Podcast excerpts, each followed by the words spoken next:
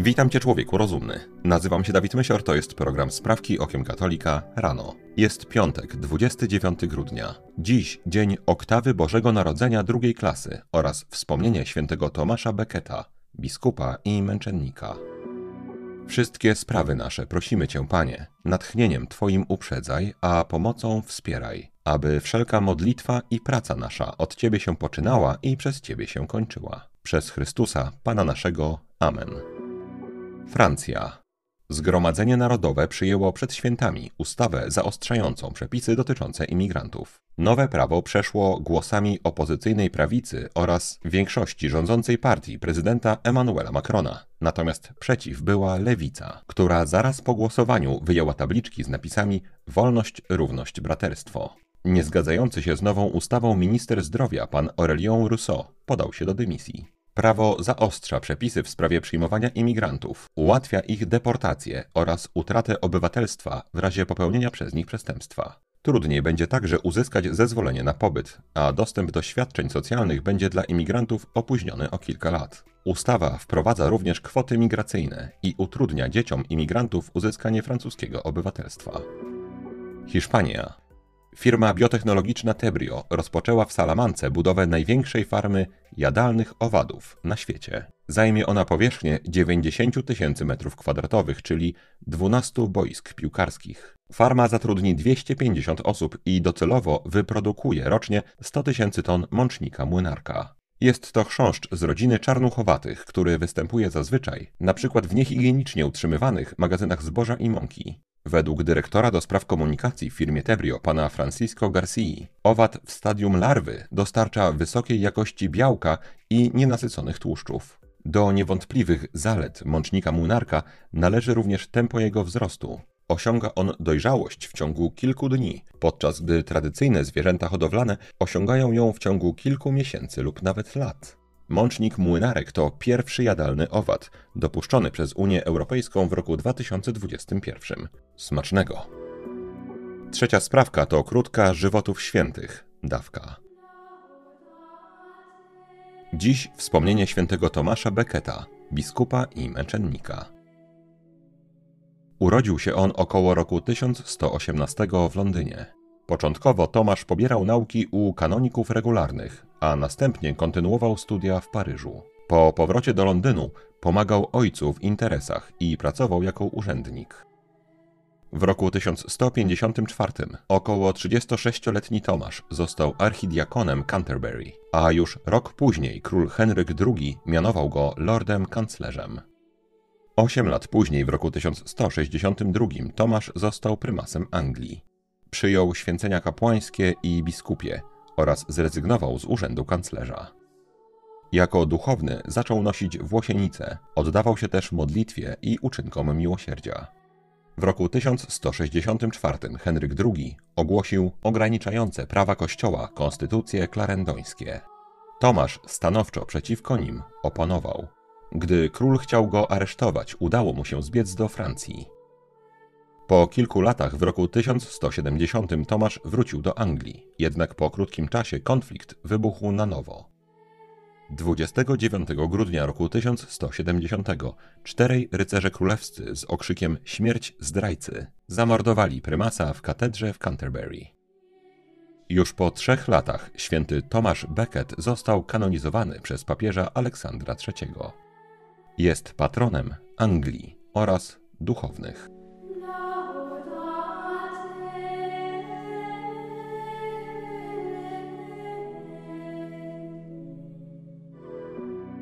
Ziemska ojczyzna świętego Tomasza Becketa, czyli Wielka Brytania. Wygląda na to, że jesteśmy uratowani, ponieważ brytyjscy naukowcy namierzyli bardzo szkodliwy dla środowiska czynnik, który powoduje globalne ocieplenie. Badanie opublikowano w czasopiśmie PLOS ONE, a zgodnie z nim tym szkodliwym dla środowiska i powodującym globalne ocieplenie czynnikiem jest ludzki oddech. Naukowcy zbadali emisję metanu i podtlenku azotu w oddechu 104 dorosłych ochotników z Wielkiej Brytanii. Uczestnicy musieli wziąć głęboki oddech i wstrzymać go na 5 sekund, a następnie wydychać do plastikowej torebki. Naukowcy oszacowali dzięki badaniom, że 0,05% emisji metanu i 0,1% emisji podtlenku azotu pochodzi z ludzkiego oddechu. Kierujący badaniami dr Nicholas Cowan, fizyk z Brytyjskiego Centrum Ekologii i Hydrologii w Edynburgu, ostrzega: Apelujemy o ostrożność przy zakładaniu, że emisja gazów powodowana przez człowieka jest znikoma.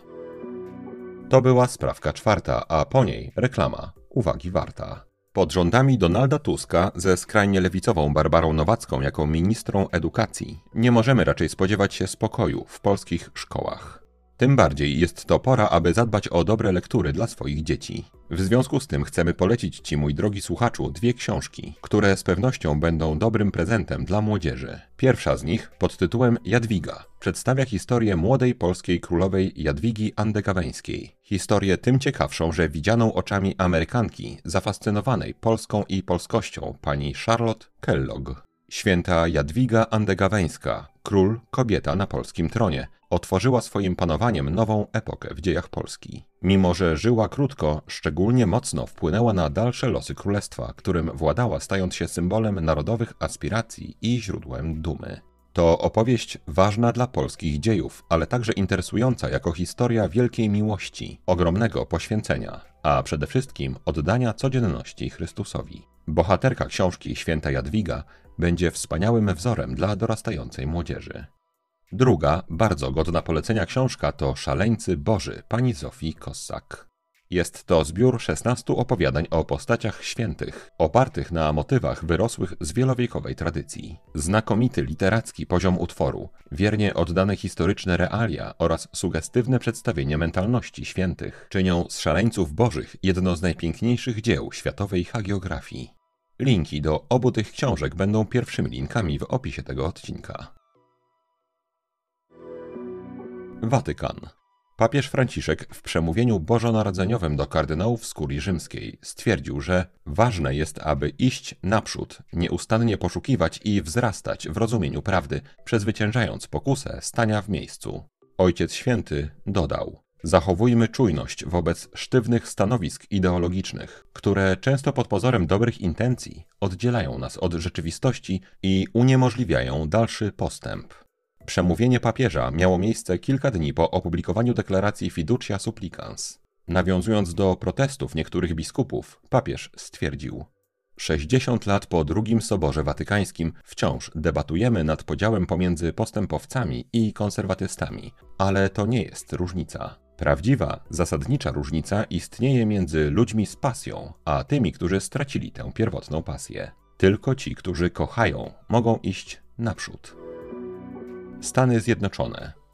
We wtorek 19 grudnia podczas konferencji prasowej rzecznik Białego Domu pani Karine Jean-Pierre wydała oświadczenie w sprawie deklaracji Fiducia Supplicans. Powiedziała: Prezydent Biden wraz z wieloma katolikami na całym świecie przyjął z radością deklarację Watykanu, ogłoszoną z aprobatą papieża Franciszka, która zezwala na błogosławienie par jednopłciowych. Cieszymy się z tego kroku w posłudze kościelnej w stronę osób LGBTQ.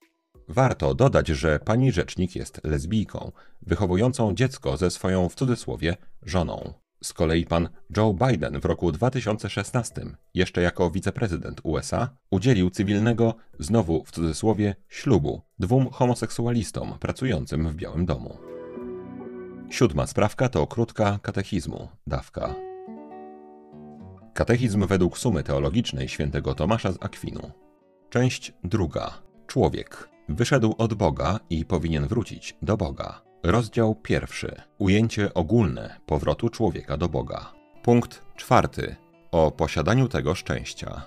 W jaki sposób człowiek może dojść do posiadania Boga, swojego najwyższego dobra, i rozkoszować się nim? Człowiek może dojść do posiadania Boga, swojego najwyższego dobra, i rozkoszować się nim poprzez akt swojego rozumu, który w tym celu poruszony jest przez wolę. Czego trzeba, by człowiek znalazł swoje doskonałe szczęście przez ten akt swego rozumu? Aby poprzez ten akt swojego rozumu człowiek znalazł doskonałe szczęście, potrzebuje on dotrzeć do Boga, ale do takiego, jakim on jest rzeczywiście, a nie do takiego, jaki jest osiągalny za pomocą różnych rzeczy stworzonych. Jak nazywa się ten akt, poprzez który rozum dociera do Boga, takiego jakim on jest sam w sobie? Ten akt nazywa się wizją Boga. Czy zatem oglądanie Boga jest doskonałym szczęściem człowieka? Tak, wizja Boga jest doskonałym szczęściem człowieka. Czy ta wizja Boga, gdy człowiek posiądzie ją już w całej jej doskonałości, podniesie i przemieni wszystko, co może być dla człowieka jakąś doskonałością w jego duszy i ciele, a także we wszystkim, co go otacza? Tak, ta wizja Boga, kiedy człowiek posiądzie ją już w całej jej doskonałości, podniesie i przemieni wszystko, co może być dla człowieka jakąś doskonałością w jego duszy i w jego ciele, a także we wszystkim, co go otacza, gdyż będąc dobrem człowieka, które pochodzi z najwyższego źródła, wpływa na wszystko, co jest przyporządkowane człowiekowi, tak by go wydoskonalić i nasycić. Czy zatem będzie to dla człowieka posiadaniem całego dobra i wolnością od całego zła? Tak, będzie to dla człowieka posiadaniem całego dobra i wolnością od całego zła. Punkt piąty.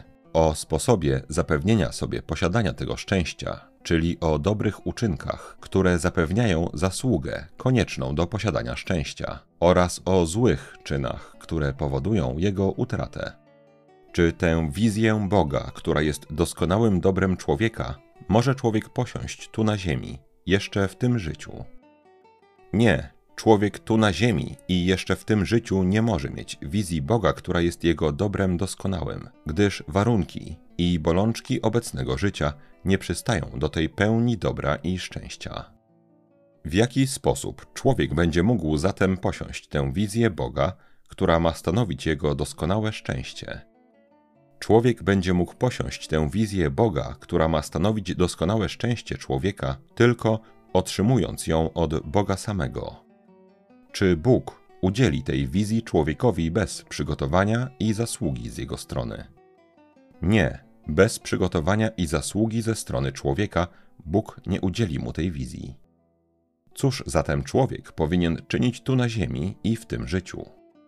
Tu na ziemi i w tym życiu człowiek nie powinien nic innego czynić poza przygotowywaniem się poprzez zasługi do przyjęcia od Boga pewnego dnia tej boskiej wizji oraz tego wszystkiego, co Bóg da człowiekowi jako nagrodę.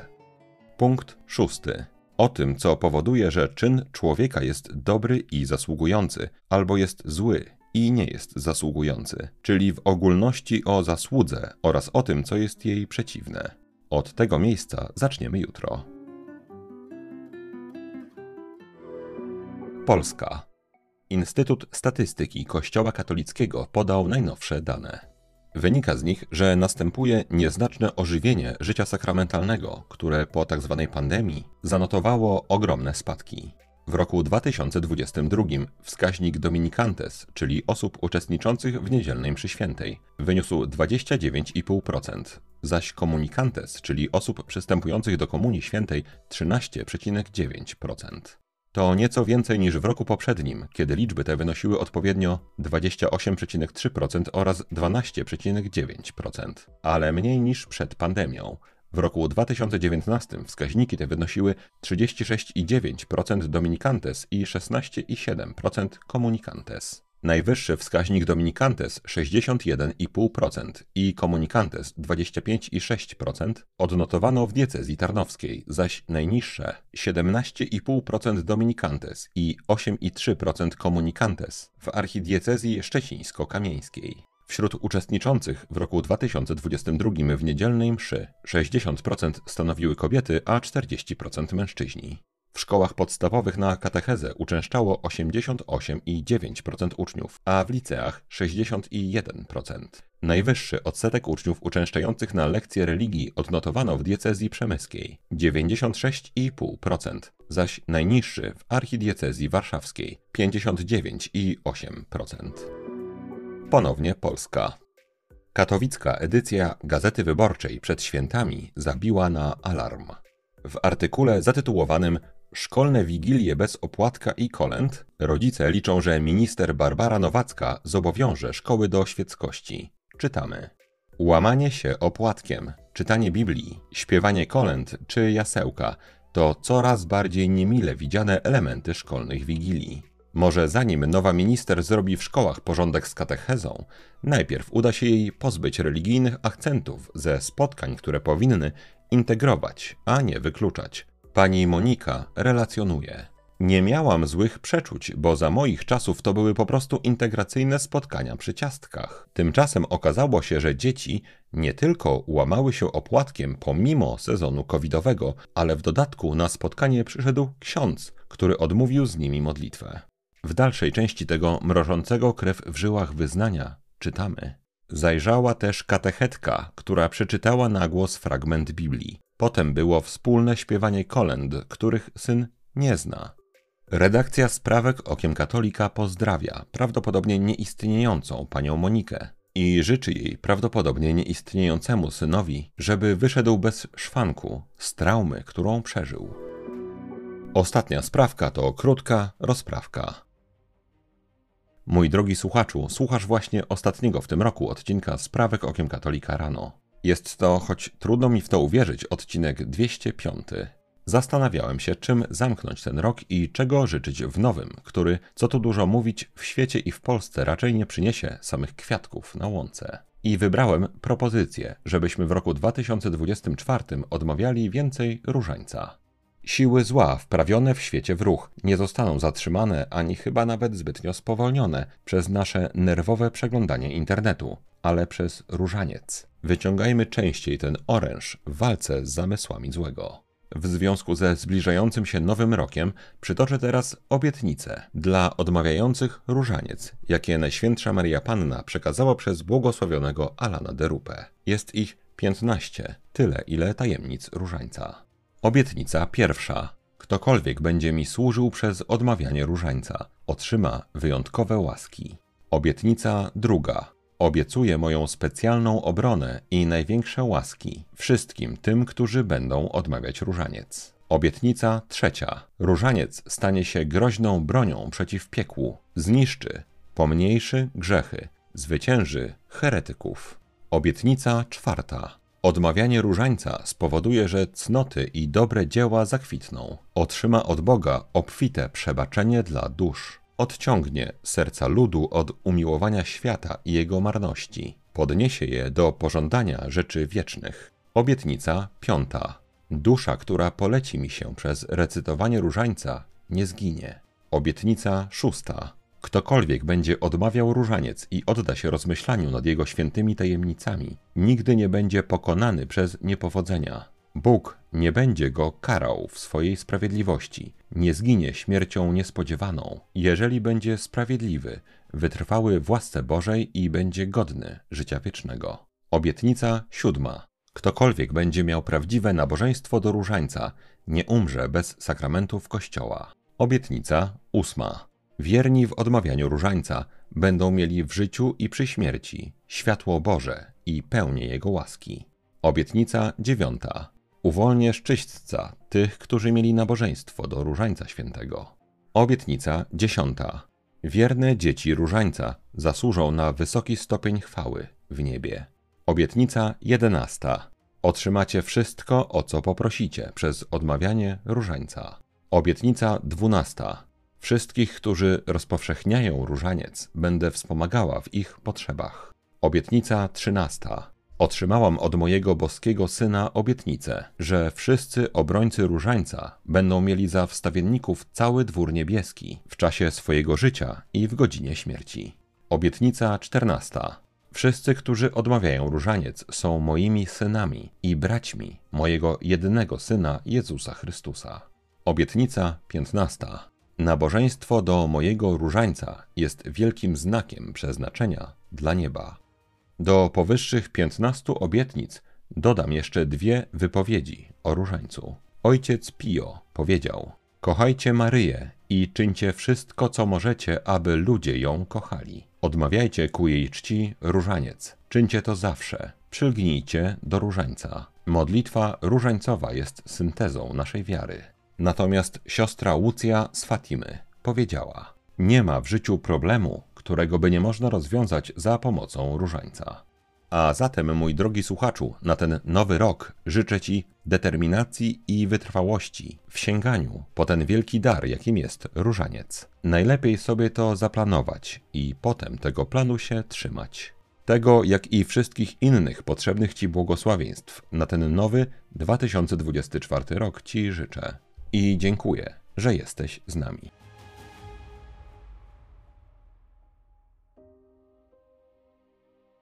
Maryjo, posłuż się mną dziś jak chcesz. Wykorzystaj mnie jak chcesz. Byle tylko choć jeden grzesznik zszedł z drogi zatracenia, poszedł do spowiedzi świętej i zwrócił się ku Panu Jezusowi. To na dzisiaj wszystkie sprawki okiem katolika rano. Jeżeli chcesz nam pomóc, daj proszę łapkę w górę pod tym filmem na YouTubie i napisz komentarz. Jeżeli chcesz wesprzeć zespół Sprawek Okiem Katolika regularnie na Patronite lub tutaj na YouTubie, albo jednorazowo przez wpłatę najmniejszej chociaż kwoty, to szczegóły jak można to zrobić znajdują się w opisie tego odcinka. Wszystkim bardzo dziękuję. Przypominam, że 31 grudnia zostanie odprawiona kolejna już msza święta tradycyjna w intencji o Boże błogosławieństwo dla wszystkich patronów tej naszej pracy.